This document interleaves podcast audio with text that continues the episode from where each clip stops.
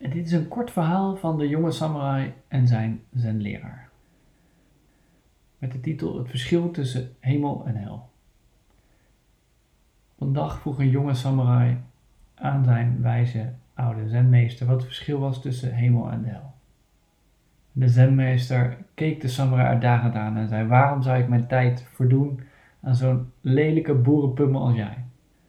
Woest trok de samurai zijn zwaard en zei: Hoe durf je mij te beledigen? Ik vermoord je. Rustig antwoordde de zenmeester: Dit is de hel. En opeens snapte de samurai wat de meester bedoelde. Hij kwam tot inkeer en zei: Mijn excuses en dank voor deze mooie les. O wijze oude meester.